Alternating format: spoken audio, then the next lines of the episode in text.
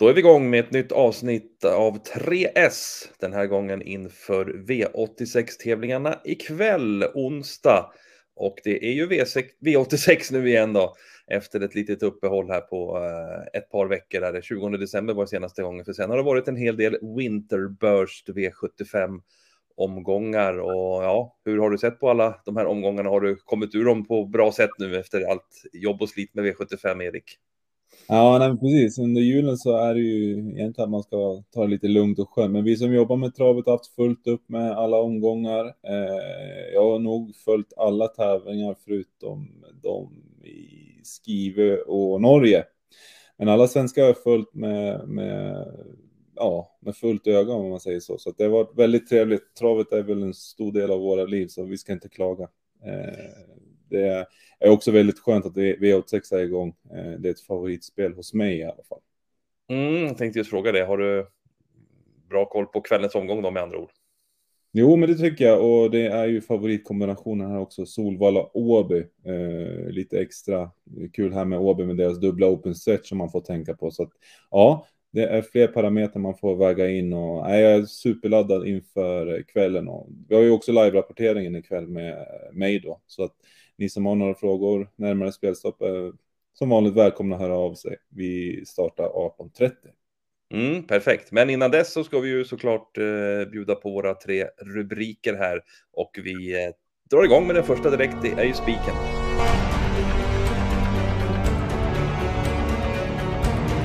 Du var superladdad, jag är också superladdad nu att få höra spiken på V86 ikväll.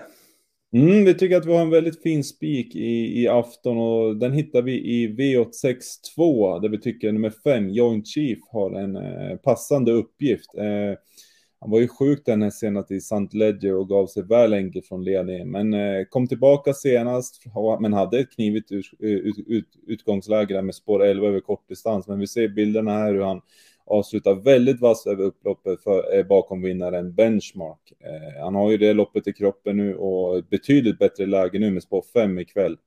Eh, vi tror att det kommer bli lite körning här i början, vilket kommer gynna Joint Chief. Och I ett ganska jämnspelat lopp så tycker vi att det är en perfekt spik att ta ställning i det här loppet, eh, helt enkelt.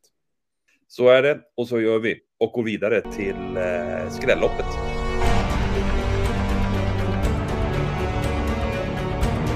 Spiken var på Solvalla. Skrälloppet hittar vi på Åby. Vi går till eh, V86 3 helt enkelt och där är eh, ja, nummer ett Grappa Boy eh, hårt betrodd när vi spelar in det här och hur ser vi på hans uppgift då?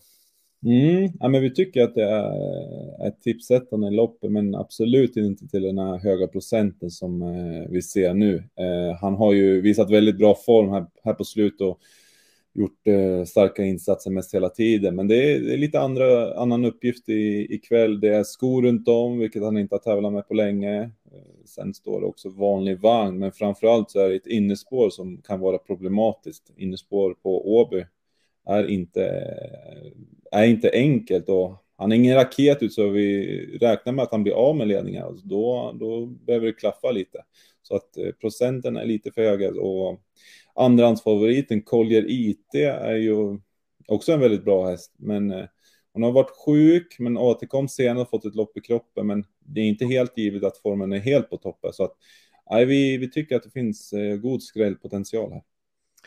Pratade just där om eh, startsnabbheten, bland annat på ett Grappa Boy som inte var så eh, superbra direkt. Har vi något annat spetsbud här i loppet att bjuda på?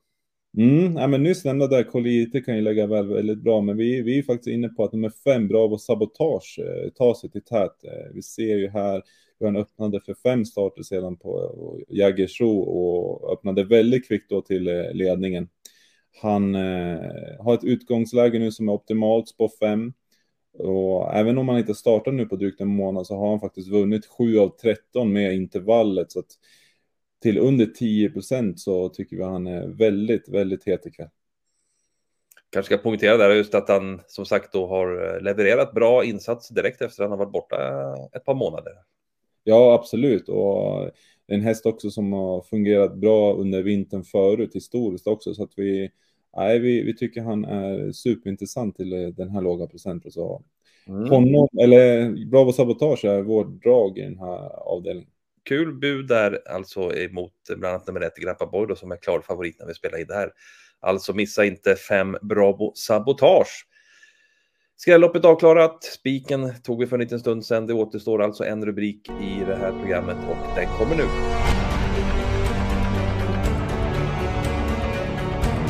Då är det dags för chaset. En häst vi tycker har blivit alldeles för hårt betrodd i eh, kvällens V86-omgång. Och ja du Erik, du får väl ta och, och presentera vem det är.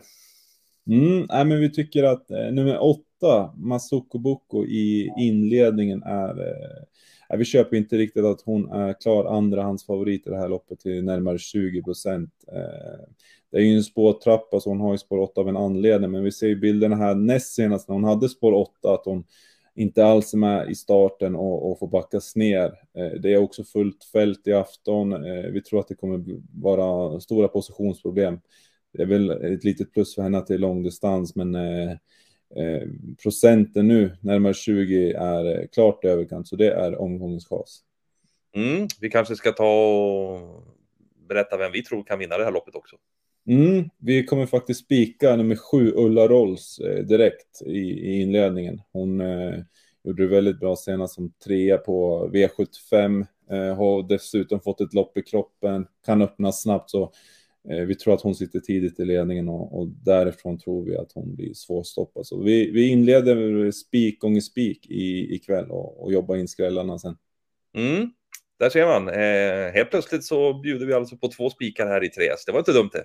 Nej, vi börjar året starkt förhoppningsvis. ja, förhoppningsvis.